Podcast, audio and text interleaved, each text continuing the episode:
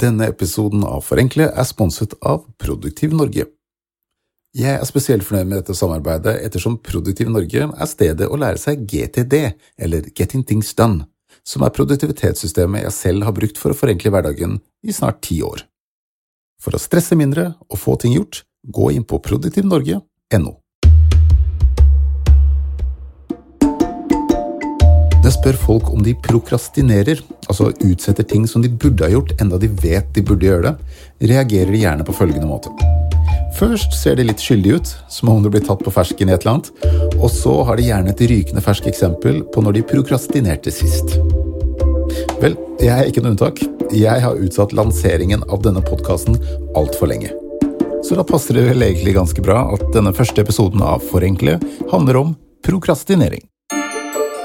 Dette er Forenkle, podkasten hvor du kan følge meg, Ove Kenneth Nilsen, når jeg leter høyt og lavt etter de beste hverdagsforenklingene.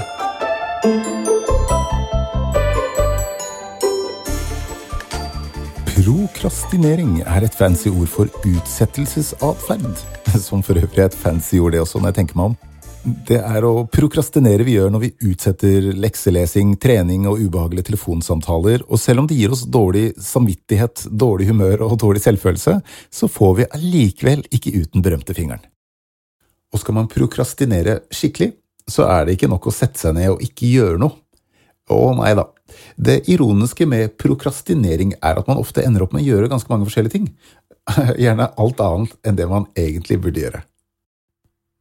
Det er som om din egen hjerne aktivt prøver å distrahere deg.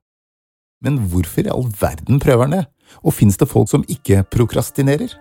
Det er noen som påstår det, men jeg vet ikke, det finnes jo også mennesker som påstår de aldri lyver og uh, sånne ting også, men jeg er litt skeptisk, kan du si. Dette her er Kent Nordby, som forsker på prokrastinering ved Universitetet i Tromsø.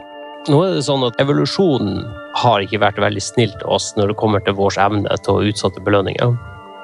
Eh, der vi før i tida under jakt- og samlesamfunnet i stor grad levde i fra hånd til munn, eh, der vi fikk umiddelbare konsekvenser av belønninger for det vi gjorde og eventuelt ikke gjorde, så er vi nå gått over til en samfunn der oppgaver og belønninger for de oppgavene ofte kan ligge månedsvis, kanskje til og med årevis inn i fremtida. Og vi har rett og slett et dårlig biologisk anlegg for å kunne klare å, å, utsette belønninger.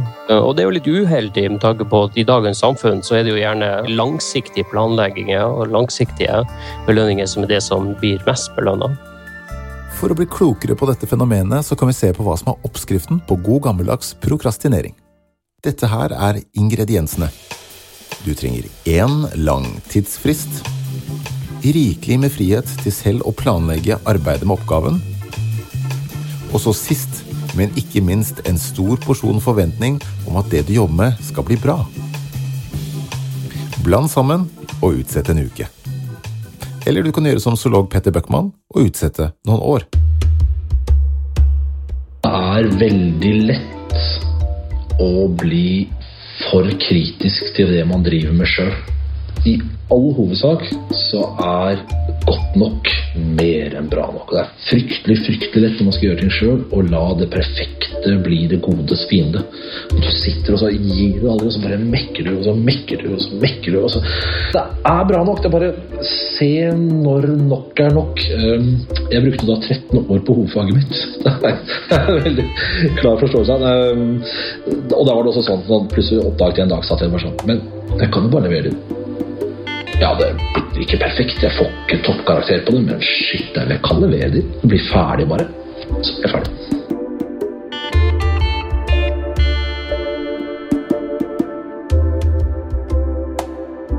Veldig ofte innenfor prokrastinering hører man det at ja, men eh, jeg liker å jobbe under press, og jeg liker å vente til i siste liten, for da jobber jeg så mye mer effektivt det er veldig veldig få som er tjent med denne strategien. Som ofte så ender opp med at eh, det blir et fryktelig stress, og resultatet blir dårligere enn hvis man hadde tatt seg en bedre tid. Prokrastinering er ikke det samme som latskap. Det virker mer som om det er hjernen som instinktivt prøver å distrahere deg fra å gjøre noe som kan være ubehagelig eller kanskje farlig.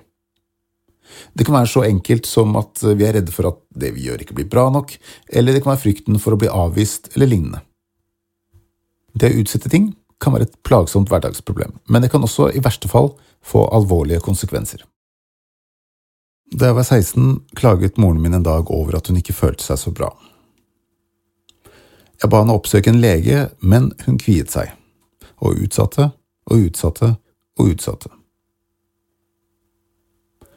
Jeg får aldri vite hva som hadde skjedd hvis hun hadde hørt på meg, eller sin egen fornuft, og gått til den legen. For kort tid etterpå fikk hun et hjerteinfarkt og døde. Vi vet dette. Vi skjønner at jo lenger vi venter, jo verre blir det ofte. Selv grekerne på filosofenes tid slet med dette, og de kalte det akrasia, som betyr å handle mot sitt eget beste. Demosternes regnes som grekernes største taler, og måten han bekjempet sin prokrastinering på, eller akrasia kanskje, i og med at han var greker, var at når han jobbet på en tale, så barberte han vekk håret på halve hodet, slik at han ikke kunne forlate huset før han var ferdig med talen. Jeg har ikke så mye hår å ta av, så jeg bruker noen andre triks i min kamp mot akrasia.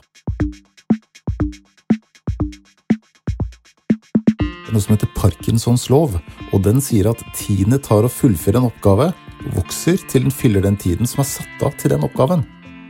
Det betyr med andre ord at hvis du har veldig god tid på en oppgave, så bruker du opp den tiden. Kortere tidsfrister tvinger oss til å fokusere og prioritere på en helt annen måte. Når jeg føler at jeg har litt for god tid på meg, så bruker jeg en eggetimer for å gi meg selv små deadlines. Jeg bruker også pomodoro-teknikken ganske mye. Den består av å jobbe konsentrert i 25 minutter, for å så ta en fem minutters pause, gjerne med en liten belønning, for å så jobbe 25 minutter igjen, osv.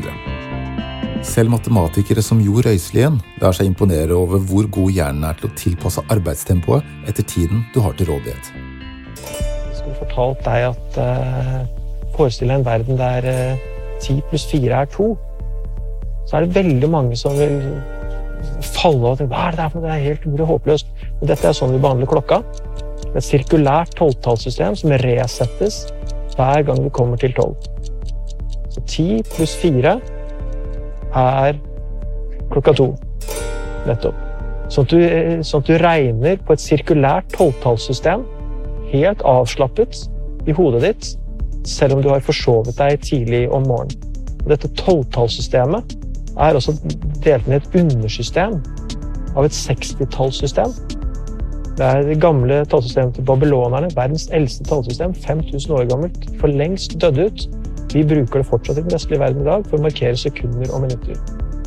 Så i en verden full av titallssystem, ti fingre, alt går til ti, så regner du allikevel helt ufortrødent på et koblet eh, sirkulært tolvtallssystem underdelt i et sekstitallssystem så fort at hvis du har forsovet deg om morgenen, du har en halvtime mindre på å gjøre det du pleier å gjøre, så klarer du allikevel å regne ut i hodet, uten papir og blyant, hvordan du skal porsjonere ut alle de tingene du har å gjøre, for allikevel å rekke bussen. Hjernen din er en fantastisk avansert matematikkmaskin som klarer å lage logikk ut av de mest håpløse situasjoner.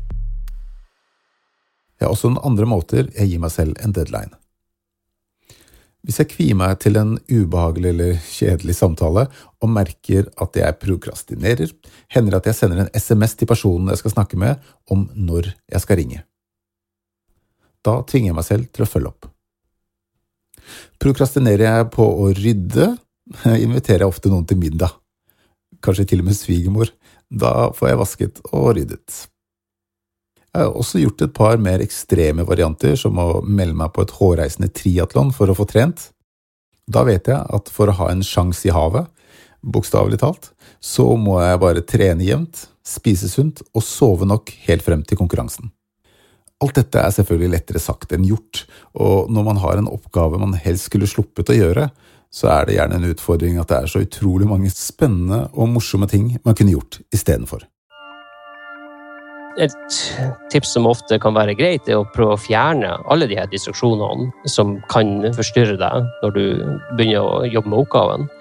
Det er jo en ting som man kan gjøre. En annen ting er det å lære seg tidsplanlegging dersom man rett og slett har dårlig oversikt over hvor mye som skal gjøres og til hvilken tid. Og det er en av de tingene som vi prøver å lære studenter. Det er hvordan å planlegge tida si og hvordan å jobbe strukturert frem mot uh, målene sine. Selgere bruker av og til et sånn Jedi mind trick hvor de stiller deg noen spørsmål bare for å få deg til å si ja et par ganger, fordi det switcher hjernen din i et ja-modus før de ber deg om å kjøpe noe. Del oppgaven du skal gjøre i små delmål som du kan si ja til, så blir det mer som dominobrikker. Ta én pushup, eller jogg til enden av gata, eller noe som er veldig, veldig, veldig enkelt. Det er som du alltid har hørt. Halve kampen er å starte jo mer energi man bruker på å ikke starte, jo mindre energi har du til å faktisk begynne å starte. Så ved å gjøre det enkelt og bare komme seg i gang så fort som mulig uten å begynne å bekymre seg eller uh, irritere seg eller grue seg til å måtte gjøre disse oppgavene, jo mer energi har du til å faktisk gjennomføre oppgaven. Gjør det morsomt. Bruk eggetimer sånn som jeg gjør. Klarer du å rydde hele kjøkkenet på fem minutter? Parkinson og jeg vedder på at det går. Dette er et tips matematiker Jo Røiselien bruker for å komme i gang. Eh, når listene alltid er uendelig lange, og du ikke har tid, og ikke hjernen takler å ha en liste, da oppdager man ganske raskt at det smarteste det er å begynne med de tingene som tar kortest tid. Da får du strøket unna lista ganske fort. Du må ikke ta det som er viktigst først. Du må ta det som tar kortest tid. Og jobbe seg den veien. For plutselig var ikke lista så lang, og da ble den ikke så stressende det, den hemningsløsheten i å la noen av de viktige tingene ligge, rydde opp i mitt eget hode, gjør at sluttresultatet er jo at jeg får gjort fryktelig mye. Hjernen får jo også da vært finstilt på det den skal løse, når den skal løse det. Og jeg kjenner meg igjen i det. Jeg fungerer så mye bedre hvis jeg klarer å kvitte meg med alle disse små tingene som stjeler fokus og oppmerksomhet. Men samtidig så er det jo et eller annet deilig med å liksom ta det liksom den store, hårete, ekle oppgaven først. Så er det ferdig. De japanske samuraiene de hadde et rituale som de kalte motstandsakt. Denne øvelsen gikk ut på at de startet hver dag med å gjøre noe de kviet seg for, og som hadde som formål å bygge viljestyrke. De så på viljestyrke som en muskel som kunne trenes og forbedres, men som også blir slapp og dvask hvis man ikke brukte den. Det er som du sier, at hvis du er nødt til å spise en levende frosk, så er det best å gjøre det om morgenen, for da er det unnagjort. Og så vet du at det verste som kommer til å skje i løpet av den dagen, det har sannsynligvis skjedd. Og hvis du er nødt til å spise to frosker, så begynn med den styggeste først. Det, det, å kvitte seg med prokrastinering er, det er litt som å slutte å røyke. Du kan på en måte slutte å røyke, men du er på en måte aldri helt uten røyken. Man er for evig en som alltid prøver å slutte å røyke. Tenk på det. Hva er det folk angrer på på dødsleiet? Det er som regel alt det de ikke gjorde, ikke sant? Alt det de skulle gjøre en vakker dag. Det som forenkler for meg, er frykten for å bli gammel og nettopp angre på alt jeg kunne ha gjort. Det å huske på hvor kort livet er, er kanskje det lille dyttet vi trenger neste gang vi tenker på å utsette noe til senere. Lansere podkast? Check. I neste episode forenkler jeg med fysiker og programleder Andreas Wahl. Du har kanskje sett han risikere livet på scenen eller i serien Med livet som innsats, men Andreas har flere skjulte talenter.